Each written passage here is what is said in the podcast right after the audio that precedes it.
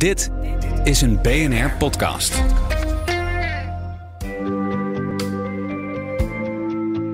Wetenschap in het kort met Carlijn Meinders. Hij was gigantisch en angstaanjagend en slank.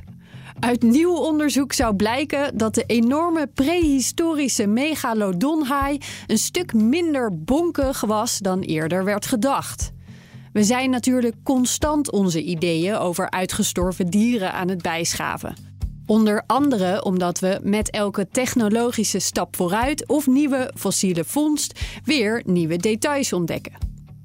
Nu zouden we dus ook het beeld van de Meg moeten bijstellen.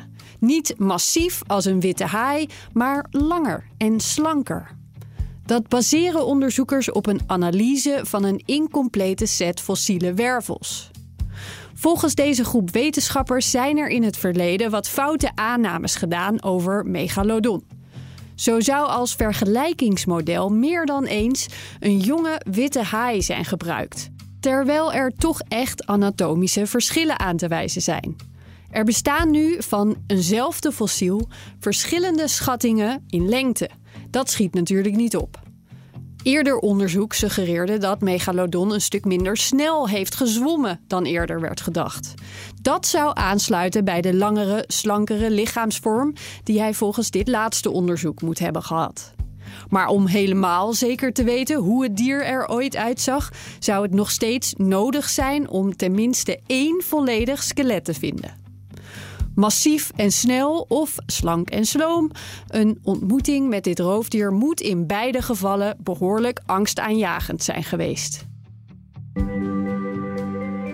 Wil je elke dag een wetenschapsnieuwtje? Abonneer je dan op Wetenschap vandaag. Luister Wetenschap vandaag terug in al je favoriete podcast-apps. Bij BNR ben je altijd als eerste op de hoogte van het laatste nieuws. Luister dagelijks live via internet. Bas van Werven. En heel langzaam komt de zon op rond dit tijdstip. Je krijgt inzicht in de dag die komt op BNR, het Binnenhof in Nederland en de rest van de wereld. De Ochtendspits. Voor de beste start van je werkdag. Blijf scherp en mis niets.